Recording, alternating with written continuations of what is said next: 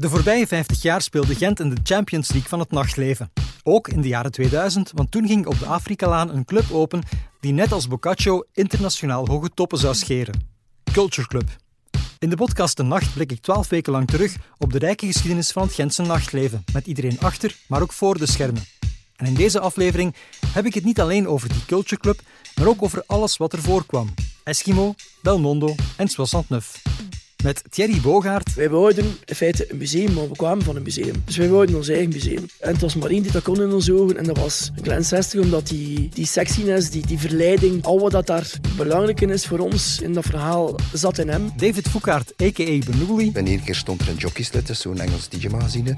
Uh, dat was zo de Eurostar. Hè? Dus dan moesten ze met de Eurostar naar Brussel, ay, naar, naar Gent komen eigenlijk, om dan uit te kunnen gaan in, in de coachclub. Dat was geleden van de Boccaccio destijds, dat er nog een keer in Engeland zo'n bus was rond een Belgisch muzikaal verhaal eigenlijk. Jan Hoed Jr. Dan zie je eigenlijk mijn grootouders dansen voor het grote werk van Ensor, de blijde intrede van Christus. En met die foto hebben we natuurlijk heel veel kunnen bereiken, omdat mijn vader zei van ja, het begin van de eeuw werd er al gedanst in, uh, in een museum, dus waarom zou het nu niet kunnen? Sarah Tuin. Dat visuele, dat was ook achter de baar heel belangrijk. Bijvoorbeeld Er mogen geen openers op de toog liggen, want dat staat niet mooi op de foto. En ik was daar dan heel neurotisch in, van dat mag niet gebeuren. En dan heel tegen de collega's, dus dat weg, doe dat Lies van Borm. Maar de honger dat er hier iets gebeurde, was ook wel groot. Hè? Iedereen had gewoon mega veel hoesting. En het was altijd op speciale plaatsen. Je werd verrast door wat er gebeurde. Hey, de, mijn ogen toe ging er naartoe. Hè? En Thierry van Dort. Ik was ook de enige fotograaf. Niemand hoefde zich in te houden met de angst van, oh jee, mijn, mijn volgende werkgever gaat mij vinden op Google met geen dat ik hier heb uitgevreten. Dus dat, dat maakt een gigantisch verschil.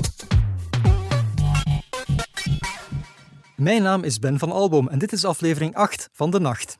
En die nacht was in de jaren 90 nogal donker en grauw. Dat klinkt ergens logisch, maar het kan natuurlijk ook anders. En in 2002 zou Culture Club dat dik in de verf zetten. Maar de club van Rudy Victor Akkaert, Thierry Bogaert en Dirk de Ruik was eigenlijk de culminatie van een verhaal dat al zeker vijf jaar daarvoor begon – met een klein feestje voor een paar honderd mensen dat het logo en de naam gebruikte van een Gens onderbroekenmerk. Eskimo, uh, leuk ondergoed, degelijk, cool logo. We zouden daar iets kunnen mee doen. We maken een afspraak met uh, mensen van Bonneterie de Grote, die dan eigenaar waren van de Eskimo-logo. Uh, ja, we zouden daar graag feesten mee doen. Zie dat zitten, mogen we dat doen. Promotie, ja, doe maar, doe maar. Zo beginnen we er ook aan, doe maar.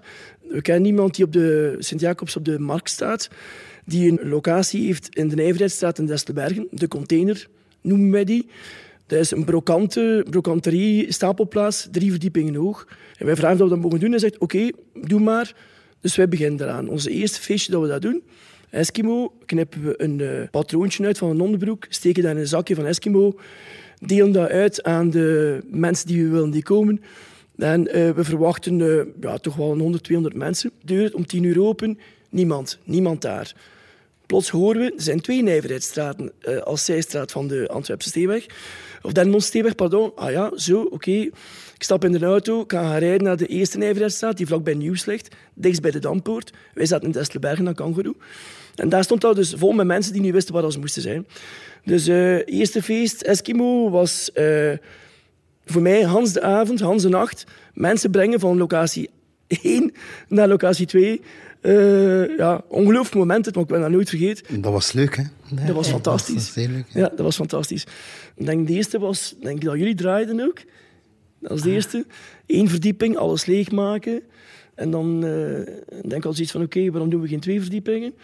Ik denk dat dan er eerst TLP bijgekomen is.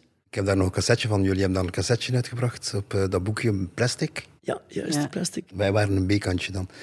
TLP was de A-kant. Ja. Oké, okay. en dan uh, denk de derde zaal uh, was uh, Drum and Bass. Hebben dan uh, 187 bijgebracht.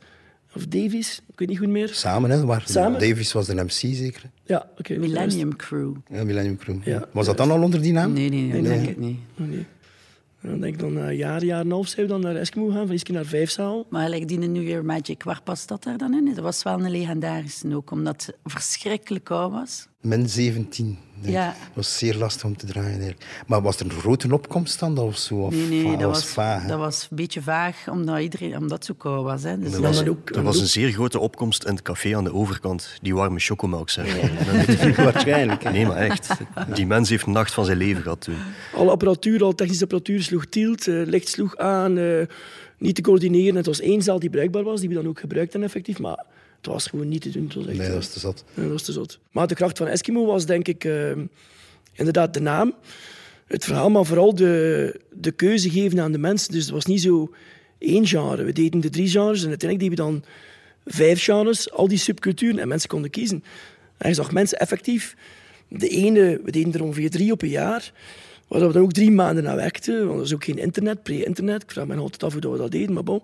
En ehm, ja, je zegt mensen die effectief in de housezaal uitgingen en dan de volgende editie zaten ze dan in de drum and en je zag mensen echt zoeken naar hun eigen keuzes en ja, dat was echt vrij... eh, Het, was, een heel breed spectrum muzikaal gezien. Dus je had optredens, Soulwax heeft er ook opgetreden, rockoptredens, uh, popoptredens. Dan had je ook al buitenlandse DJ's die daar kwamen spelen ook. En het was eigenlijk wel heel leuk om dat te zien muzikaal, want ik had de indruk dat Gent op dat moment waarschijnlijk redelijk leeg liep, maar dat is allemaal naar de, naar de Eskimo gingen. Want daar had je sowieso genoeg, alle genres. Dus je kon eigenlijk een beetje snoepen, een beetje daar, een beetje daar.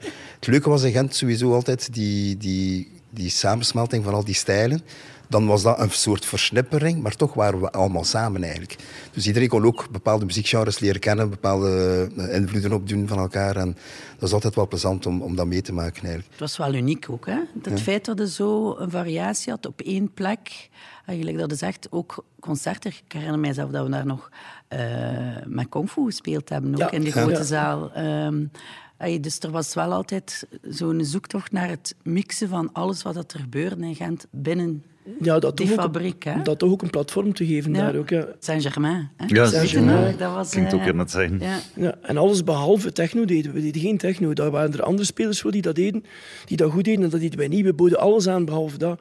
Eh, we waren, eh, ja, sexy was wel een keyword voor ons in, onze, in het verhaal dat wij die eh, feesten deden. Dat moest wel een bepaalde Ja, en sexiness, warmte community hebben. Ja, ook, community ook, ja. Dus ook komen we bij. Sarah terecht. Hè. Ik was piep, piep jong toen. eh, en dat was fantastisch. Hè. Ik kwam van de school, scoutsvijven, plots op Eskimo terecht. Dat was ongelooflijk, inderdaad. Die, die keuze, dat was echt fantastisch. Het was iets groot. We, ja, dat werd groot zonder dat we dat zelf wilden uiteindelijk. Maar we, altijd, we waakten altijd wel over die, eh, over die gezelligheid, over die coziness, over die warmte. Hoe kom je binnen? Wie zie je? Eh, wat voel je? Hoe is dat als die zaal leeg is? Is dat warm? Is dat... En dat moest al voldoen aan bepaalde criteria die denk ik voor veel andere mensen niet belangrijk waren. Maar voor ons was dat echt... We werkten er echt op. Dat was echt ons... eh, Maar als, je, als ik het nu zo, als ik erover terugdenk en hoe dat het ook zegt, het is ook wel altijd iets geweest dat niet alleen maar ging over eh, DJ's en muziek. Het was altijd wel vermengen of zo. Het Ja, was maar- niet zo. eh, ja, Het visuele aspect was zeer belangrijk. Ja. Zeer belangrijk. Van in het begin was dat een zoektocht uiteindelijk om die twee naar een, ja, naar een niveau te krijgen die, die, die juist was voor ons, die, waar dat wij trouw konden aan zijn. Vandaar ook de keuze eh, om zeer vroeg met decormensen te werken.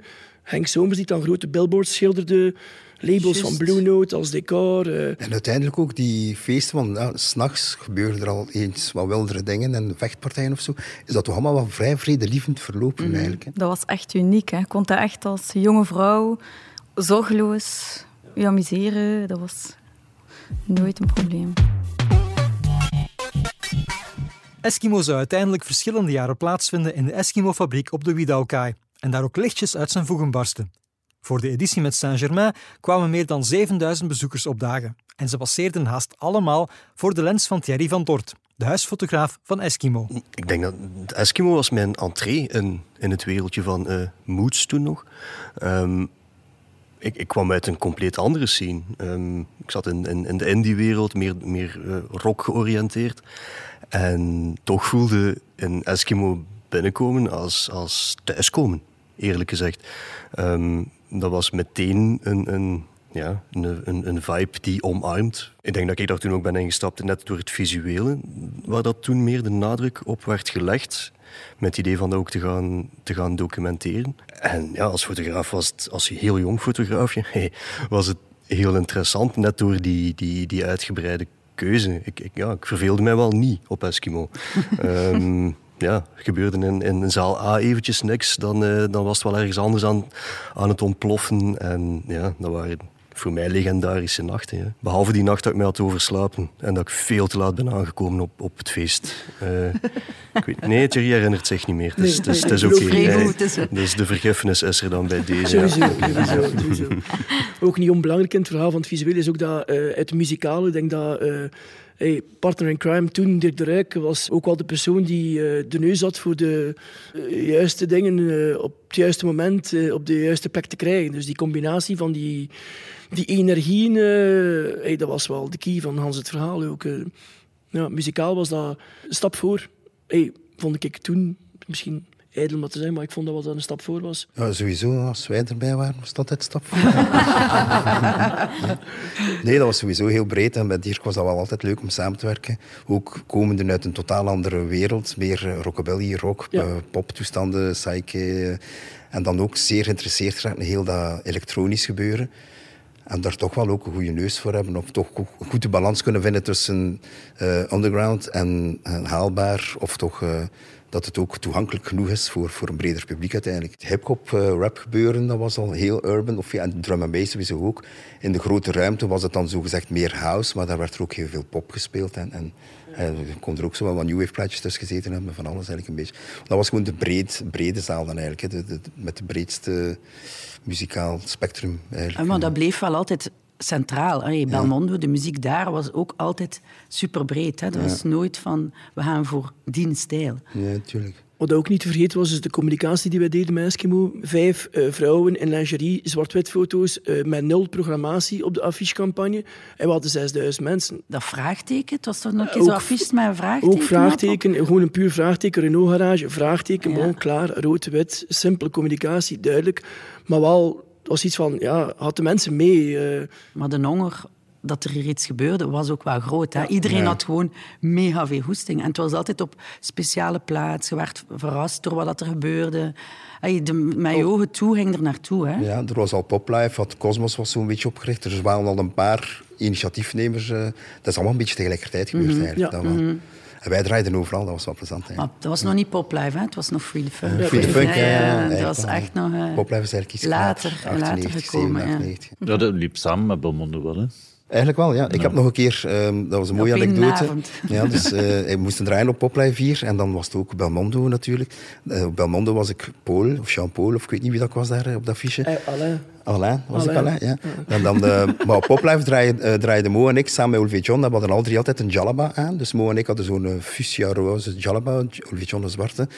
En uh, ik heb dan met, met mijn jalaba van hier te voet, hè, dat, uh, dat uh, smak. Ik heb hem daar gewoon binnenste buiten gedaan, dus dat het logo niet opviel eigenlijk. Van, van dat een beetje. en dan weer terug naar hier. Ja. Maar John had, Olivier John had het niet door, hij wist het niet, hij had, niet, hij had het niet door eigenlijk. Was zo, hij zou het niet leuk gevonden de naam Belmondo is spontaan gevallen. En dat is niet zo verwonderlijk, want het feest in het gloednieuwe smak was de opvolger van Eskimo, dat in 2000 op zijn hoogtepunt stopte. Alle resident DJ's verhuisden mee, de Glimmers, TLP, de Flying of fucking the Waller Brothers, zoals ze toen nog heten. Maar dat wou vooral niet zeggen dat Belmondo zomaar een kopie was van Eskimo. Eskimo Tourism, denk met Kruder en Dorfmeister, laatste in de zomer, juni, hoogtepunt. Uh, alles zat mee, het weer zat mee, programmatie zat mee. Uh, ja, ik was iets van, ja, dit, dit gaan we niet meer overtreffen, we zitten op maximum capaciteit. Het is tijd om te bewegen uh, naar ergens anders en we wouden al... We wouden al kleiner gaan. Ondertussen ook uh, Jan Uccino leren kennen. Er waren al gesprekken. We hebben daar ook met onze bureaus uh, een, tijd gezeten, denk ik, van daaruit. Ja. En dan uh, moesten we vooral de, de papa, moesten we Jan Hoed zelf ja. overtuigen.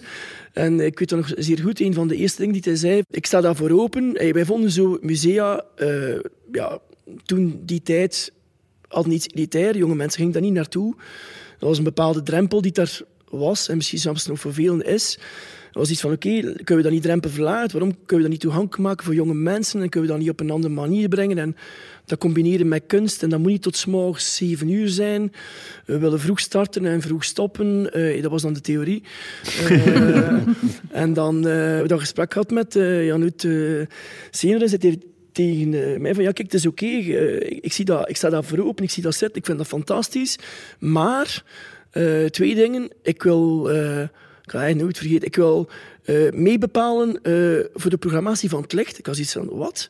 Uh, ja, oké, okay, goed. en ik wil een, een, ruimte waar ik kan zitten of liggen als ik daar zin voor heb. En dat hebben we dan maar gedaan. En dan hebben we onze eerste Belmondo georganiseerd. Dus het museum moest open zijn om tien uur. Dat was de regel. dus het laatste nummer moesten we spelen, dachten we toen, om vijf uur, om, uh, om tien uur het museum open te kunnen krijgen. Dat wil zeggen, dat wil zeggen alles afbouwen, uh, alles opkuisen en zorgen dat het publiek toegankelijk is, het museum voor het bezoek om tien uur s morgens. Dus hadden we daar vijf uur de tijd voor. Dus hadden we zoiets van, oké, we gaan om tien uur s'avonds starten. We gaan drie zalen doen. En ja, we gaan dat doen. Maar iets wat al eerder opviel, was gewoon ook de, de ommezwaai van dus Kruder en Dorfmeister, uh, Saint-Germain, dus met zo'n grote namen te werken. Nu gewoon op dat fiches uh, Franse acteurs te gebruiken of zo. Ja, we worden, dus, niet, ja. we worden niet meer werken op de naam, op de DJ-cultuur, ja. in naam en in persona, maar gewoon op comfort, de sfeer komt voor het verhaal. Kom niet voor de dure line-ups die we moeten betalen. Maar de line-ups waren kwalitatief hoog, maar niet mijn naam op communicatie. Dus je moest er zijn om het te weten en om het mee te maken. In feite. Dat was een beetje een, een twist die we eraan gegeven hebben, samen met Mark Meulmans. En jij is met de naam, uh, ik denk Belmondo, afgekomen met de naam Belmondo. Uh, Nouvelle Vague, Nuit Blanche en de... Elle et moi. Elle et moi. En wel zoiets van, wauw, wauw, dat is het.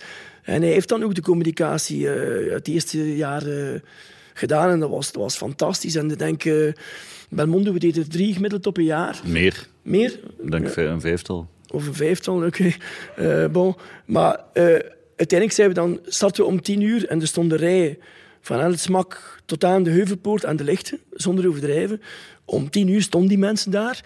En uh, ons laatste nummer speelden we om twintig na zes. Want al georganiseerd en geprofessionaliseerd dat we dat konden.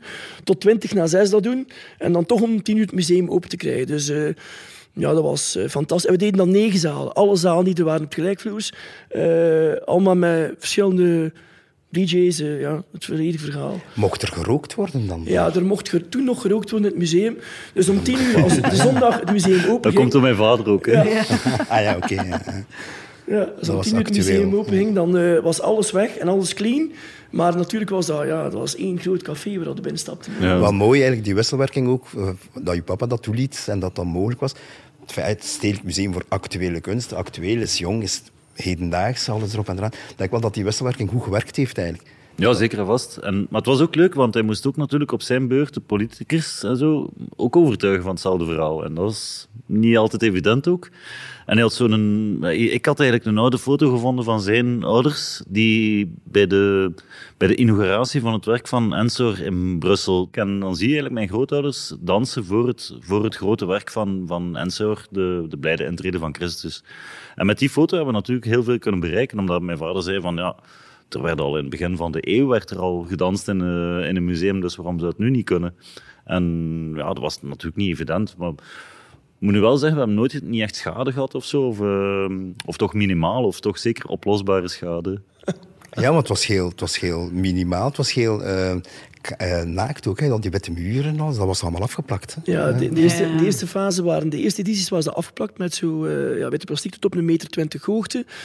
En dan had ik zoiets van, oké, maar is dat niet beter om dat gewoon te schilderen ieder morgen na een feest?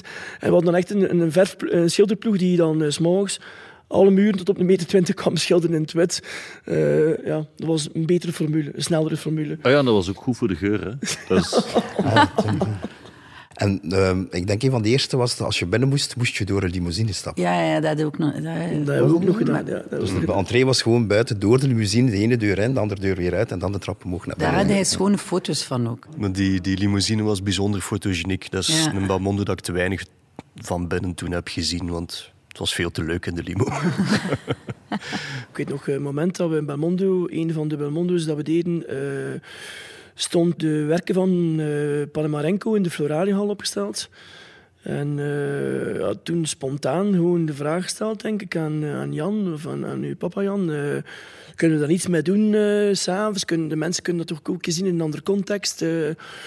Ja, en hoe ziet dat dan? Ik weet niet. Eh, we gaan dat uitlichten en we gaan daar rook in steken en we gaan daar een verhaal van maken. En uh, laten we dat Panabarenko by Night noemen en we koppelen dat. ja, fantastisch, doe maar. Ja, nu moet je dat gewoon gunnen en pitchen. En je bent zes maanden verder en ondertussen zijn de werk weg. Ik bedoel, dat was toen die tijd. toen, toen kon nog kort op een bal spelen. Ja, ik weet, ik herinner mij ook, de eerste bij Mondes was zonder kunst. Eerst moest alle kunstwerken weg. Ja, klopt. En toen was u... Hey, toen hebben we toch... Maar toen was mijn vader heel kwaad hè, op zijn personeel, dat die, dat die allemaal weg waren. Ja. Zegt hij van, wat is daar dan het nut van? Ja. en toen zijn we dat toch beginnen doen. En toch, hey, Maar wel selectief ook van werken die minder kwaad kunnen van, of hey, meer resistent zijn tegen, tegen uh, dat soort publiek en dat soort uh, evenement. Maar Fantastisch. Het zijn toch altijd allemaal spannende uitdagingen geweest. Hè? Ik herinner mij nog eigenlijk dat het daarnet verteld. Container was spannend. Naar Eskimo gaan was spannend. Uh, die New Year Magic was spannend. Uh, het was in, in, in, al die stapjes was het altijd wel... Het was ja, grensverleggend, ja, eerlijk gezegd. Je leert dat ook niet. Hè. Georganiseerd, plots, je doet iets omdat er niks is. Er komt volk, overtuigd mensen, een bepaald enthousiasme. Je blijft trouw aan jezelf en die dingen gaan, gelijk vanzelf. Maar uiteindelijk heb je dat niet voor gestudeerd, dus je doet maar feesten en aldoende leer. Dus ja, alles moet ik misgaan voordat het kunt uh, weten. En plots zit dan organisator. Ja, ja, oké. Uh, en nu zijn de organisator als je gestudeerd hebt. Uh, wij waren dat door dat te doen, dus dat is het goed verschil. Maar je moet wel het een en het ander tegenkomen om, dat, ja, om daar te geraken dan op een bepaald moment. Dus die spanning is dat wel. Voor wie nieuwsgierig is hoe dat er toen allemaal uitzag, veel van de foto's die Thierry van Dort in die periode nam op Belmondo, Eskimo of Culture Club vind je vandaag op walklocal.gent, op de pagina van de Nightlife-wandeling. Maar wat gebeurde daar toen mee? Want er was bijvoorbeeld helemaal nog geen Facebook of Instagram. Het was toch website? Uh, man, dat was nog niet web. Nee, niet gelijk dat nu is natuurlijk. Maar wij vonden dat wel... Dat was toch in, in, de eerste plaats om, om de, de, de sponsors ook te laten zien wat er gebeurde, dacht ik. Sponsors en de momenten vast te leggen. Ja, Archiveren. Ja. En we hadden toch ook zo een soort proto-versie van uh, nightlife websites of social media. Ik herinner mij de naam echt absoluut niet meer. Nightlife Unlimited was de website. Ja, dat was het begin. Hè. Dat was het begin. Ja, Maar de eerste website die wij hadden was Culture Club. Hè. Daarvoor was er geen... Ja, nee, maar er waren wel zo ja, mensen buiten ons die, die, die, die, daarmee aan de slag wouden. Magazines, um, Pulp, ja, Pulp. Ja, En Pulp werden die gepubliceerd. Plastic, um, Pulp, uh, andere ja, muziek. Want ja, eerlijk, zo vanaf dat die dingen ook online werden gepubliceerd, was de lol er voor mij ook wel een deel af. Want dan krijg je zo die, die sfeer waarin dan mensen voor de camera gaan springen, zo uh, armen rond elkaar, hey, trek je de foto. Zo, ja, tof. Uh, dat was helemaal niet waar ik mee bezig was in, in, in die tijd. Het was eigenlijk daarvoor heerlijk rustig werken, want ik was ook de enige fotograaf niemand hoefde zich in te houden om uh, met de angst van, oh jee, mijn, mijn volgende werkgever gaat mij vinden op Google met geen dat ik hier heb, heb uitgevreten. Dus dat, dat maakt een gigantisch verschil. Uh, vanaf dat, die, dat dat online luik erbij kwam, voelde wel ja, dat die sfeer toch enigszins kantelt. Ik zou niet graag nu nog feesten fotograferen. Het was meer de Nokia-periode nog. Ja, nee. Ja, ja tuurlijk. Ja. Ja. Dus er waren nog geen telefoons met uh, cameraatjes. Nee. Of toch nog niet zo? Nee, totaal niet. Er waren dus nog geen smartphones in die periode en er ging uiteraard ook niemand uit met een fototoestel rond zijn nek of, in het geval van drum bass feestjes, in zijn rugzak. Vandaar dat er van al die legendarische feesten in de jaren 80 en 90 vandaag amper foto's bestaan. Behalve dus in de archieven van een handvol fotografen als Thierry van Dort. En die laatste was er gelukkig ook bij in de Soissons Neuf en in de Culture Club, de uitlopers van Eskimo en Belmondo.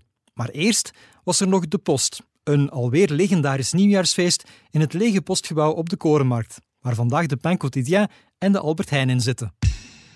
de post zat in de periode dat we Belmondo. in feite Belmondo deden. We hebben de post gedaan op de Koormarkt. Ja. Dat was ja, uh, de millennium-overgang van 99 naar 2000. We hebben er twee gedaan. We hebben gedaan in 1999 en we gedaan in 2000. En de beste was 99, omdat dat de spontaanste was. Dat was ook de eerste. En toen hebben we samenwerkt met Smak. In feite, dat was de periode dat we bij Mondos aan toen waren. En dan hadden we zoiets van... Okay, ik denk dat Jan, jij zet er mij af komen denken met de post de Koermarkt als opportuniteit. Uh, was van wauw, fantastische post op de Koermarkt uh, zoals het is. Met de lokettenzaal, alles origineel, uh, leeg en je mag er je ding mee doen. Als je wauw. En dan de kelders waren de tentoonstelling, expositieruimte. Ja. Uh, met performance ook, denk van Mo en, uh, Mo en David Erings ook, denk ik. Ja, ja, ja. ja, klopt. Verschillende installaties in de kelders die dan toegankelijk waren uh, voor het publiek. En wij deden boven in de lokettenzaal en in de, ja, in de, de, de, noemt dat die, die zaal, die deze, alles ze alles sorteercentrum, denk ik. Uh, daar was dan de main hall. En dat was de periode van... Flat Eric, eh, Levi's, ja. Uh, het poppetje. En dat was, ja, 99 en toen was uh, Joey was dan Flat Eric in dat pak. het blauw. Ja. En praktisch de enige promotie die we gedaan hebben toen was die stroboscoop in de, in de klokkentoren. Hè? En de, klokken die we omgekeerd laten draaien. Ja. Dat was een Hans reis voor de stad Gent. Want dan was iets van, oké, okay, we hebben hier de, we hebben hier de Koormarkt, het, het, het, het, historisch centrum van Gent. Uh, wat gaan we daarmee doen om op te vallen? En dan denk ik dat jij Jan afkomen zit, maar we kunnen de klok omgekeerd laten draaien. Ah, oh, tof, ja, we gaan dat doen. uh, en dan gaan we er een strobo insteken. Ja, oké, goed. Uh, en dan hebben we dat gedaan en dan was er natuurlijk veel, veel reactie op die klok die omgekeerd draaide, want niemand verstond er iets van. En ook die strobo was een probleem voor... Uh, want ik denk dat een of andere politieke woner in een appartement en die strobo kwam binnen in zijn appartement iedere nacht. Ja, ik weet niet meer wie dat was. En dan de post uiteindelijk het feest zelf was ja, legendarisch uiteindelijk. we hadden op voorhand hadden gezegd van... Want de dakstructuur was volledig in... ik denk halfplaten, was niet geïsoleerd. Ik was op voorhand naar de stad gaan van ja, ik denk dat we wel geluidsoverlast gaan hebben. Ja, nee, maar dat is oké, okay, dan gaan we al gaan. En, bon. Tot als ze s'nachts om half twee toe kwamen, geluidsoverlast, ja, 200 procent natuurlijk. Dan hebben we ook het 2000, hebben dan ook... Uh, de, ja, iedereen wou dan 2000 het feest doen. En dat was een van de minste, omdat dat ja, geforceerd was uiteindelijk. Mm. Uh, de ja. post en dat moment was weg. Uh, ja. Maar ja, 2000 is toch ook het begin van Soissonneuf? Ja, dat is het begin van de Soissonneuf, omdat we dan uiteindelijk, ja, we wouden iets vast doen. Uh, we wouden iets overnemen en dan hebben wij denk drie weken rondgereden in de stad en er was niks over te nemen. Ik was iets van, oké... Okay, uh, Atlantiek. Atlantiek. Nee, ah, er is niets over te nemen, dan moeten we het vragen om het over te nemen, iets dat niet over, over te nemen is. En dan uh, denk ik was Kurt gestopt met Atlantiek. Uh, op de beesten, oude beestenmarkt. En dan uh, die uh, Pablo, was dat Pablo Pedro. die dat deed? Pedro, Pedro, juist. Pedro deed dat. Allee, bon, ik heb hem dat dan voorgesteld van, we wilden dat niet over, overlaten. En ja, we nooit een voorstel gehad. Ah, oké, okay, ik wil dat doen. Ja, ik denk drie maanden later was dat Club 69. Hebben we dat gedaan en hebben we in feite het verhaal gebracht. Dat was dat de voorloper van Culture Club. Maar dat was piepklein. Dat was ja, een kleine 70 vierkante meter. We hebben er alles uitgehaald. 69 zeker? Ja, net niet. Uh, maar 69 klonk heel mooi. Dat was toen ook Mark Meulmans die de naam uh, gedaan heeft. Ja, dat was ongelooflijk Hans het verhaal uiteindelijk, Mark Meulmans. De programmatie was toen op donderdag R&B, uh, eh, TLP Resident. Op vrijdag was dat dan muzikaal, uh, ja, in feite een ontdekking. Proberen, kijken. Uh, veel lokaal? Veel, veel lokaal. En zaterdag was Saturday Night, breed en voor iedereen. Dat was een beetje de consistentie die we wilden aanhouden in dat verhaal. En dat was uh, ja, een ongelooflijk succes. En dan zijn we dat ook beginnen veranderen om de zes maanden. Een nieuw decor. Dat was zoiets van, ja, in Gent, hetzelfde locatie. Mensen zijn rap iets beu. Willen ze een stap voor zijn. Oké, wij gaan het interieur veranderen om de zes maanden. Uh, en dat was dan plots om de vier maanden. En dan veranderde de voordeur van de ene kant naar de andere kant. Een DJ-boot. En een DJ-boot. En op een duur konden we zelf niet meer volgen. Uh, en dat was iets van oké. Okay, en dat was altijd vol en veel te klein. En ja, altijd bijna dezelfde mensen. Dat was iets van oké. Okay, uh, als we het dan toch doen, laten we het dan maar direct groot doen. En dan uh, zijn we uiteindelijk van 69 naar de Royal Club gegaan met zijn Vlarenbegunning. De foutste discotheek of club, of ik weet niet hoe ik het moet noemen, in Gent. Dat was op de Afrikalaan, uh, aan de Dampoort, industriegebied, mijn café bij, uh, marginaal, uh, deals, truckers, ja, al wat daar niet wilt of goed is, denk ik, gebeurde daar. En op een bepaald moment hebben we daar een feest gedaan. Denk, dat was nog naar beneden? Ja, beneden. Uh, beneden en dan boven hebben we dan een, uh, een blacklight gedaan met uh, scafstructuur, met TL's die we daarin. Het was iets van, ja, dat is het hier, dat, dat, is, dat, is, dat is het spel. En toen kenden wij Glen 60 en wij wouden in feite een museum, maar we kwamen van een museum. Dus wij wouden ons eigen museum. en het was maar één die dat kon in onze ogen en dat was Glen 60, omdat die, die, die sexiness, die, die verleiding, die, die, al wat dat daar belangrijk is voor ons in dat verhaal zat in hem. Hey, vonden wij in zijn werk, vonden wij ook in zijn flamboyante, in zijn uitgang, in zijn charisma, in zijn zijn. En uh, toen hebben wij hem de vraag gesteld van kijk, uh, wilde dat doen met ons? Je moet wel weten, we hadden geen financieel plan, we hadden geen lening, we hadden wel geld, we verdienden wel geld met de dingen die we deden. Maar we waren niet slim genoeg om dat allemaal op een rijtje te zetten en dat allemaal op een schone manier aan te pakken. Dus zijn we daar gewoon aan begonnen. We hebben de Culture Club, of de Royal Club, gehuurd van de oude eigenaar. We hebben dat verbouwd op drie maanden tijd. En we hadden onze cultureclub op de bovenste verdieping. En beneden was het met een doekje afgesloten. Want dat was nog de oude Club. Wie heeft de naam bedacht? Uh, de naam is... Uh, er was een longlist. En uiteindelijk uh, was de, de naam... We hadden nog drie namen. En ik herinner me nog twee. En dat was Tom Tom Club. En dat was Culture Club. En dan zijn we gegaan voor Culture Club, omdat dat veel meer de lading dekt en veel breder was. En schoner in, af, in afkorting en niet te letterlijk. En we vonden dat... Dus de naam komt van... Uh, we hebben de keuze gemaakt, maar komt van Diederik Serlet. Ja. Die ook paperclip. Van die paperclip van, ja. Dus het samenbrengen van alles en het samenhouden. En die inspiratie komt ook van Diederik. Ja. Fantastisch sterk logo ook. Simpel en uh, duidelijk. Het paperclip-logo van Culture Club was effectief simpel, duidelijk en ook lichtjes geniaal. Maar dat kon je toen ook zeggen van het lijstje resident DJ's, want die waren al die jaren gewoon meegegroeid. Van Eskimo en Melmondo over de Post en 69 naar uiteindelijk Culture Club. Op dat lijstje TLP, The Glimmers of toen nog Mo en Manuli en Too Many DJ's. Toen nog de fucking De Brothers.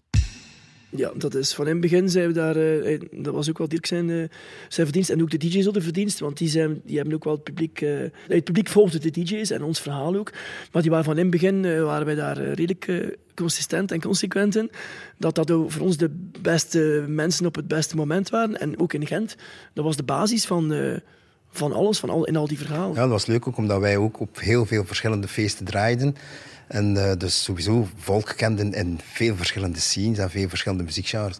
En dan komt dat dan altijd samen op die grotere evenementen, op de meer luxueuze evenementen die zij dan organiseren en ook Culture Club uiteindelijk. En dat was geleden van eigenlijk destijds in de 55 dat wij echt wel in een vaste club draaiden elke week eigenlijk op een zaterdag. Want Mo en ik hebben dat altijd zo lang mogelijk vertikt om die herhaling en die, om die, die gewoontes vast te komen. Ja, en belangrijk ook, we hebben veel eh, legendarische nachten gehad. Maar uiteindelijk, de Resident Nights, dat waren, dat waren in feite de beste avonden. De avonden met, met, met, met jullie als Mohamed en met, met Stef en Dave, dat waren gewoon... Ja, die, die kenden het publiek, die kenden ons, die kenden de, de, de boîte, die kenden de cultuur. Dat was, de, de, de, de meeste energie kwam daar. Okay. Maar die zijn ook mee geëvolueerd, ja, dus van in het begin. Ja. We hebben ooit... Uh, deden we... Was er in Belmondo in het smak. En dat was juist de periode dat we iemand verkeerd geweigerd hadden. Want het museum is een openbaar gebouw en ik deed de selectie en ik had iemand verkeerd geweigerd. En het was gedaan, het verhaal. En we hadden een Belmondo gepland en die is geannuleerd geweest. En was dus oké, we gaan hem nu niet annuleren, we gaan hem nu doen. En we gaan hem doen in de Couch. De grootste, stomste set die we ooit gedaan hebben uiteindelijk. En dan hebben we het verhaal bij Mondo, die eigen was aan smak, gebracht naar Club op een zaterdagavond. En Dirk had er niet beter op gevonden om dat te programmeren. En hij had toen Little Louis Vega van Masters at Work geboekt. en hij had daar toen 1 miljoen voor betaald. En wij wisten dat niet. Ja, en wij moesten Hans die DJ... Dus mensen kwamen voor Belmondo. Die kwamen niet voor de namen of voor de programmatie. Die kwamen voor dat verhaal, voor die story. En Dirk had dat toen... Uh, uh, Little Louis Vega geboekt, met alles erop en eraan, de ster van het moment. Wij moesten onze DJ-boot DJ ombouwen naar uh, mengpaneel met draaiknoppen. Uh, dat was 1 miljoen Belgische frank. Belgische ja. frank, inderdaad. Ja, ja natuurlijk. Ja, ja, met de euroverwarring, ja, 1 miljoen Belgische frank. Maar bon, in die tijd veel te veel geld, en zeker voor Belmondo te programmeren, niet nodig. En achter twee uur en een half is hij gestopt, want de mensen gingen naar huis. Dus die voelden dat niet, die, die, dat werkte niet. Om maar te zeggen, de residents waren voor ons king en heilig in ons verhaal. Maar uiteraard waren er nog dingen die dan misschien vooral de eerste jaren Culture Club zo magisch maakten. Er was het waanzinnig knappe interieur van Glen 60, optredens van Nouvelle Vague en de Scissor Sisters, een tweede zaal met hip-hop en RB. Enfin, voor Gent was Culture Club heel nieuw en heel bijzonder. Onvergelijkbaar strak interieur om te beginnen. Um, ja, zo niet die, die, de typische disco-bar-vibe dat je zo associeerde met discotheken. Nee, dat was echt een club. Ja. Bedoel, uh, het gevoel dat je in een soort Andy Warhol-universum binnenstapt waar alles kan gebeuren. En, en, en ja, sky is the limit. Zo voelde dat. En ik weet ook dat dat visuele, dat was ook achter de bar heel belangrijk. Bijvoorbeeld, Thierry Danser mogen geen openers op de toog liggen, want dat staat niet mooi op de foto. En ik was er dan heel neurotisch in, van dat mag niet gebeuren. En dan heel tegen de collega's, doe dat weg, doe dat weg. Nooit beseft. ja, dat zijn zo dingen dat ik me herinner. Het was allemaal mooi, het was inderdaad het was sexy. Maar alle details klopten. De sfeer, ja, het was een familie, iedereen was daar. Ja, ik denk ook wel nog binnen de Culture Club wel nog een aantal vernieuwende concepten. Ik herinner mij Luna Park. Uh, Rock and Roll High School. Ja, ja wel zo'n aantal dingen die dan toch hè, u wel nog weer verleiden om te komen en niet het reguleren van elke week of zo. Hè. De sfeer om een botsauto voor u, voor uw boot te zetten en daar gewoon de muziek te spelen om de botsauto's te zetten. De, iedereen...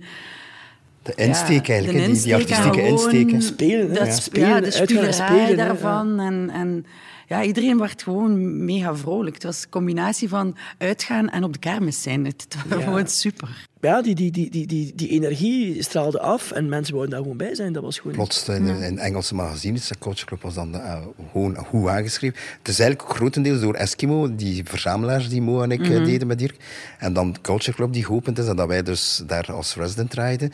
Dat Culture Club, en één keer stond er een jockeyslut, zo'n Engels DJ-magazine. Uh, dat was zo de Eurostar. Hè, dus dan moesten ze met de Eurostar naar Brussel, eh, naar naar Gent komen eigenlijk, om dan uit te kunnen gaan in, in de coachclub. Dat was geleden van de Boccaccio destijds, dat er nog een keer in Engeland zo'n een, een, bus was rond een Belgisch muzikaal verhaal eigenlijk.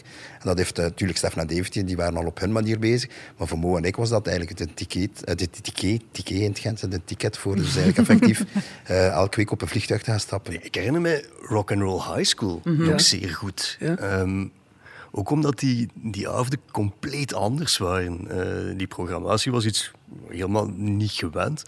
En ik weet nog dat ik aankwam in de club, die was nog vrij leeg. En de intro van Enter Sandman van Metallica rolt door die ruimte. Waar je zo alleen maar de beats en, en de sets van Mo en hoort. En dat was, dat was zo lachen en tegelijk van... Oh jee, deze gaat super worden. Ik we waren vier of vijf maanden open en... Uh Plots zie ik iemand, een redelijk oudere man, een fototoestel alles te fotograferen in de Culture Club. Uh, ik ga daarbij, ik zei, excuseer, wie bent u? Uh, ja, uh, je suis Michel, Michel Gobert, ik kom van Parijs en ik, kom scouten. Ik zei, mm, wij kenden Colette, maar ik kende niet Michel Gobert. En dan, Michel Gobert is de man die, ja, muzikaal, die alles van shows, van Chanel, Dior, noem maar op nu de muziek voorziet en de shows doet. En toen een beetje de rechterhand was van uh, Sarah van Colette, een van de dochters. En Colette is de, was de, een van de eerste concept stores in Parijs die gestopt is, denk ik. Uh, x aantal jaar geleden, dat was moeder- en mhm. dochterverhaal. De Uber concept store van uh, ja, Global, denk ik. Michel kwam daar via Stef en Dave, omdat ze daar ook wel in die Parijse scene zaten. Dan denk ik drie weken later kregen wij telefoon ja, wij zouden willen afkomen naar Gent om een keer te kijken en te spreken over uh, Soirée Colette in Culture Club. Oh, fantastisch. Uh. Dus die mensen komen af. En dat was een van de eerste, de enige momenten, denk ik, dat iemand ons zei wat we moesten doen en dat we volgden. Dat is nooit gebeurd en daar is dat wel gebeurd. Die zei van, al uw lichten moeten in blauw en in dat blauw. Ik zei, wat? Ja. En dat moet Tokyo Blue zijn, die referentie, die filter, dat model. Oké. En zo begon dat. Dus die wisten perfect wat ze wouden doen. En de regel was, het verhaal was in feite, ze wouden dus 700 eh, mensen charteren vanuit Parijs, met een TGV die ze charterden, uh, overbrengen naar Culture Club. Ze wouden dat doen op een zaterdagavond, maar we waren toen zes of zeven maanden open, dus dat was iedere keer knockvol. Dat was onze heilige avond. Zaterdagavond, Resonate Night, daar komen we niet aan. Dus dat was vrij moeilijk en vrij gevoelig voor ons. Uh, we wilden die datum, uh, zaterdag. Er mag niemand van jullie vast publiek binnen. Het is enkel Parisiaans. Uh, wij bepalen, wij bepalen de dranken, wij bepalen de prijzen, wij, betalen, wij bepalen de inrichting. Wij betalen niks aan jullie. En uh, wij doen de programmatie. Oké, was iets van, oké, goed. We moeten daar even over denken en overleggen. En we hebben dat dan overlegd. En die kunnen waren daar redelijk op uit van, oké, we gaan dat doen. dat was toen het moment van de Rapture en zo in programmatie, muzikaal was iets van, ja, als we dat doen, uh, Colette, nou, dat is wereldnieuws, we moeten dat doen. Qua marketing is dat ongelooflijk. Uh, we gaan daar kunnen opteren. Maar bon, het is een avond dat we niets gaan verdienen. En we hadden dat wel nodig natuurlijk. Dus uh, met Rudy was dat een hans issue om dat gedaan te krijgen. En uiteindelijk hebben we dat gedaan. Was dat voorpagina New York Times. twee pagina's was dat een succes. Ongelooflijk memorabel. Ongelooflijke organisatie, zeer leerrijk. En dan op een bepaald moment om zes uur was het feest gedaan. Iedereen was knock-out. En dan benedenzaal, de oude Royalzaal, was dan één grote slaapzaal. Dus al die mensen lagen daar gewoon op elkaar te wachten tot ze weer komen getransporteerd worden naar het station. Ja, ongelooflijk, ongelooflijk verhaal. Ik was daar ook. Dat was een van de nachten die ik absoluut niet plezant vond. De liefde, de warmte. Sorry, dat was er toen echt Nee, nee, dat was Paris Night. Dat was echt. Dat ze- Maar de liefde van een Gentenaar voor een Parisien is niet zo groot. hè. Ah, De mijne sindsdien alleszins niet, maar... eh, Zelfs heb- achter de bar was dat ook eh, de Ja? meest gespannen avond, denk ik, dat ik me kan herinneren. Ja. Hey, muzikaal was dat leuk. Ja, Ja. De Rapture stond daar toen, dus daar was ik wel blij mee. Onder Maar... andere. En Vive la Fête ook, als ik Ook, me niet ja, vergis. want Ja, was toen, komt Karel Lagerfeld of komt hij niet? Dat was dat moment, dat was stress. Wat moeten we doen als hij komt? En ja, hij komt, hij komt niet. Dat was zo Hans Diene vibe. En ja, alles werd bepaald. Ook de stelling van de mensen, de, de kledij, alles van A tot Z, volledig. Maar fantastisch. Hoe dat, hoe dat ze dat overnamen en toch nog naar een ander niveau bracht. En de lat in Culture Club lag al zo hoog, wat niemand kon ontkennen. Culture Club stond voor kwaliteit en creativiteit en dat was er ook aan te zien. In die mate zelfs dat je je, weliswaar pas achteraf, de vraag kon stellen of het financieel allemaal wel de verstandigste keuzes waren.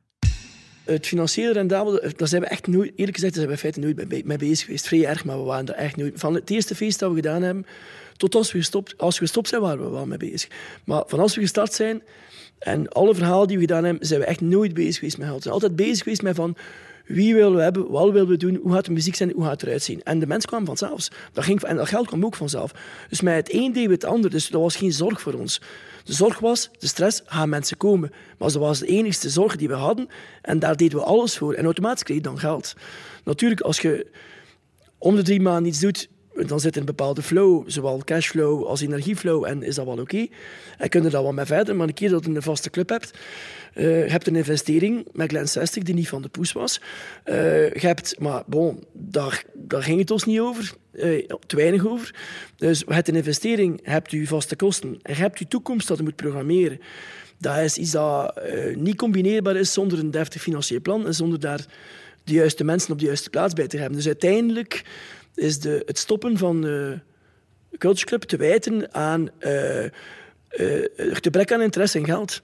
Omdat wij achter twee jaar en een half hadden wij zoiets van, oké, want Rudy was dan verantwoordelijk daarvoor. Wij deden, dat, wij, wij- deden de nacht, wij zorgden dat de club vol zat en dat hij de uitstelling had die hij moest hebben. En dat klopte volgens, de, volgens onszelf. We bleven altijd zeer trouw aan onszelf. Maar dat geld, ja, dat was de verantwoordelijkheid van iemand anders. Wij zorgden dat het binnenkwam.